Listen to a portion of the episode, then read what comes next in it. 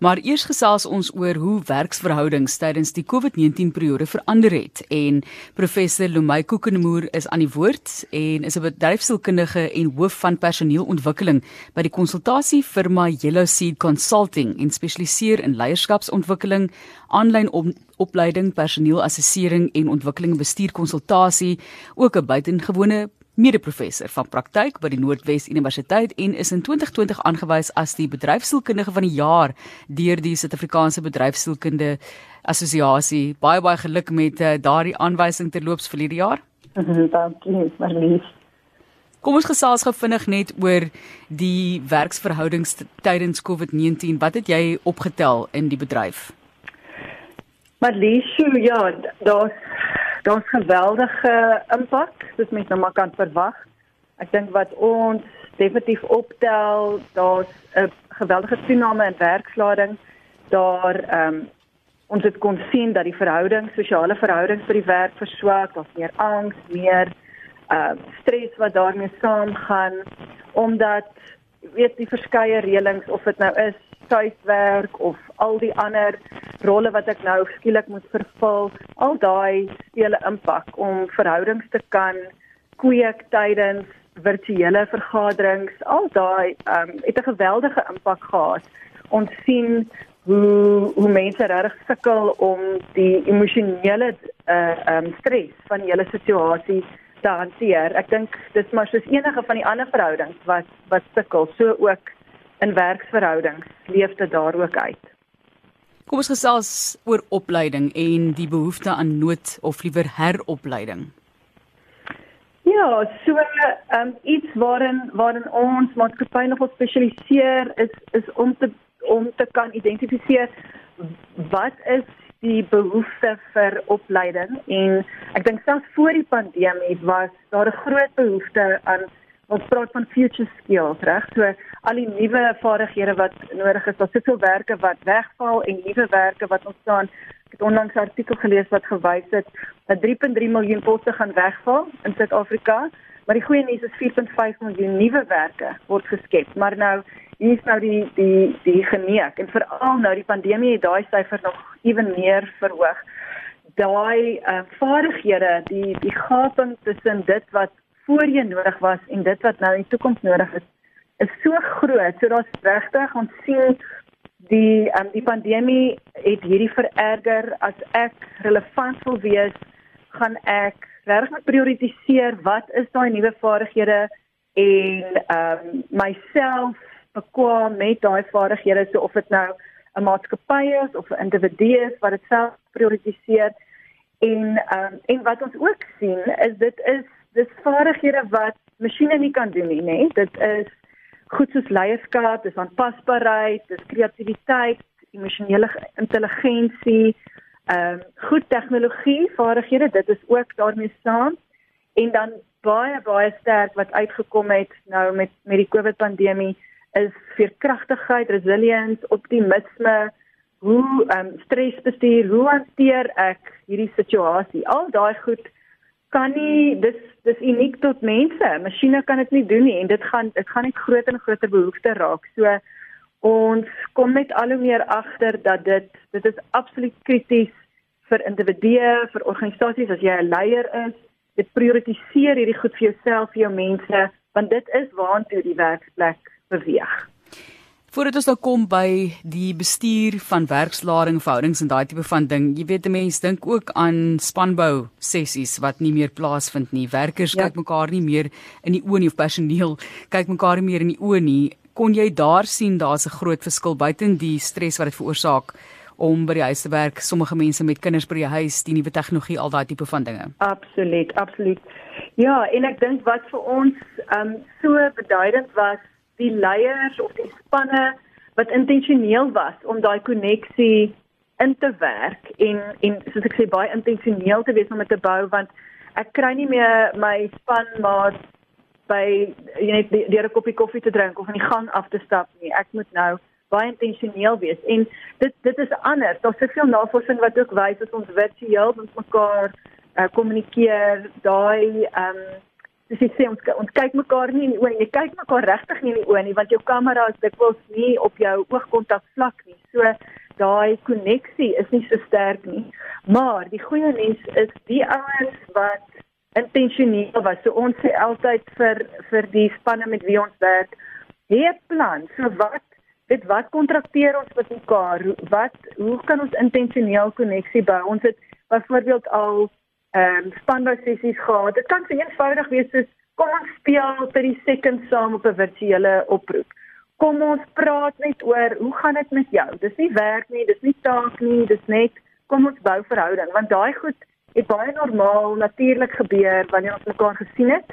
Wanneer ek eh, weet as ek nou 'n roker is, wanneer ek gaan rook of 'n koffie drink of uit 'n vergadering uitstap, nou gebeur dit nie meer nie. Ons sien mekaar nie meer in die gang nie.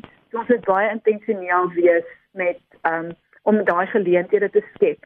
En en en regtig um, met mekaar in te check en te vra maar hoe gaan dit? En en buitenwerk waar's jy? En en kom ek sien die persoon agter die werk raak Kom ons gesels nou volgende dan oor daardie werkslading en ek ek moet sê een ding wat my nogal pla prof is dat iemand stuur e-pos vanaand 10uur dan soek hulle môreoggend 5uur 6uur ja. hulle antwoord op daai e-pos of sommer dieselfde aand nog 'n antwoord ja. op daai e-pos. 'n Mens sien ook hoe kliënte entrepreneurs behandel op daai manier verwag net eenvoudig dat daar dadelik geantwoord moet word. Grense byvoorbeeld is deel van hierdie gesprek ook. Vat ons net daardeur, hmm. wat sal jy voorstel in terme van balans? Ja.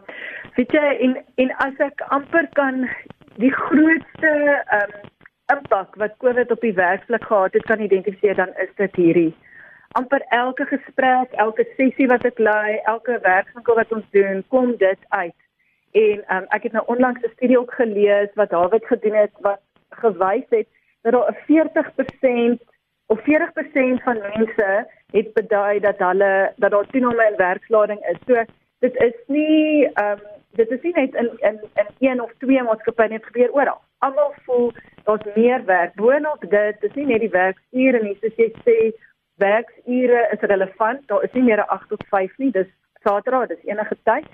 En boonbehalwe dit, is daar soveel ander rolle wat dit nou moet vervul. Okay, dis nou bietjie beter, die skole is nou oop, maar daar was regtig tye en en waarskynlik nog steeds want want nie alles is heeltemal terug na normaal nie, nê, nee, dat ek moet nou allerlei ander rolle vervul boonop my werksure. So die die die ek wil amper sê die compound effek van van daai dit is beduidend waar ons nou sien waar depressie syfers op opstyg en daar's hoër angs en baie meer stres en baie meer uitbranding en ehm um, en en die die die mental health, die gesondheid van mense ly daaronder.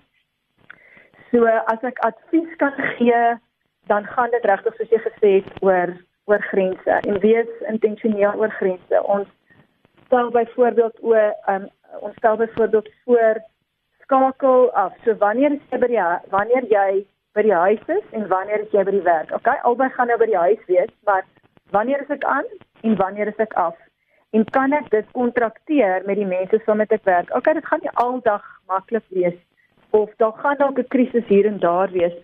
Maar as ek dit kan regtig kontrakteer want my brein het dit nodig. As ons kyk na die breinnavorsing, die brein werk optimaal met 'n 'n 'n optimale performance en dan rus en dan weer optimale prestasie en dan rus. Maar hierdie wat ons nou by die huis is, dis konstant ek konstant aan. Daar's geen rus nie. Daar's nie afskakel nie. So ek moet dit nou kweek. Ek moet baie aktief wees om dit te doen. So ehm uh, ja, so advies is wees intentioneel selfsorg.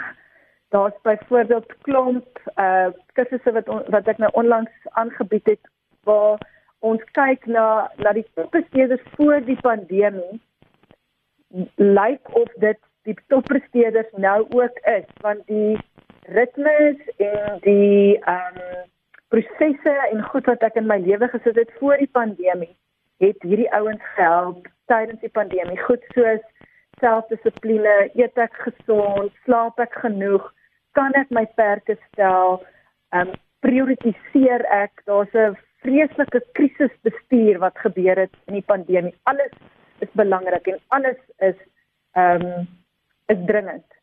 En dit kan nie wees nie. Vir ek sê altyd vir elke ja is daar 'n nee. en dit is nou selfs nog meer so uh, met met COVID nê nee, dat ek moet baie pertinent prioritiseer en selfsorg uh um prioritiseer. Maar die bestuur van tyd is seker van kardinale belang en daar moet 'n mens seker amper baie nie seker jy moet baie beslis wees nê met ehm um, ja. alle forme van bestuur want mense sê vandag wel ons kan nou enigiets doen. Ek kan gou hier met uh, Martelies sit en 'n dingetjie tik terwyl ons twee ja. praat en dan kan ek gou daar sommer die skorrel goed ook was. Ehm um, ja. is dit sodat ons meer bekwam geraak het, beter vaardighede ontwikkel het of is daardie veeltakigheid amper te gelyketyd 'n mite? Ja, dit is dis presies soos jy sê. As ons kyk na die breinnavorsing dan is dit absoluut 'n mite om te dink ek kan weet hoe hoe hoe dit vir my werk. Ek kan ek kan regtig ook saam dit saam praat hier. Ek gaan van ek kyk 'n e-pos, dan dan moet ek nou op Teams wees, dan lê my foon, dan kom my kind in met huiswerk, dan soos jy sê, dan moet die moet die skool goed op die wasgoedmasjien gaan uitgelaai word. En so dink ek, ek doen al hierdie goed saam, maar eintlik wat jou brein doen is hy spring net van een taak na 'n ander taak.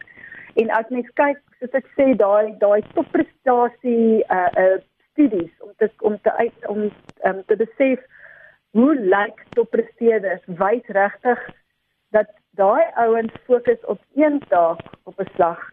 Dis dis so erg dat die navorsing wys vir ons dat wanneer ek spring uh tussen take, nê, so wanneer ek multitasking doen, dan um, is dit dieselfde as om my brein en my IQ vlak en my vermoë daal tot op die punt waar ek amper gelyk is aan aan ehm um, donk wees. Want my brein moet die hele tyd spring en my vermoë om dit te kan hanteer, ons ons is net nie so gebou nie. So dit is hoekom soos jy sê, joh, om ons tyd te bestuur en afleidings te bestuur en ehm um, regtig dit dit te prioritiseer en te sê okay, maar nou fokus ek op hierdie ek praat van tydblokke. So In die oggende is my vaste tyd, dis wanneer my brein die vaste is. So goed, dan gaan ek nou nie heeltyd vergaderings en spring van een ding na 'n ander ding toe nie. As ek komplekse werk, as ek 'n verslag 'n verslag moet skryf of ehm um, 'n komplekse vergadering of 'n sessie moet lei, kom ek doen dit in die oggend, maar ek maar ek blok dit af. Ek blok af. Die ander ding um, wat ek wat ek ook sommer net dink is die ehm um, die afleidings.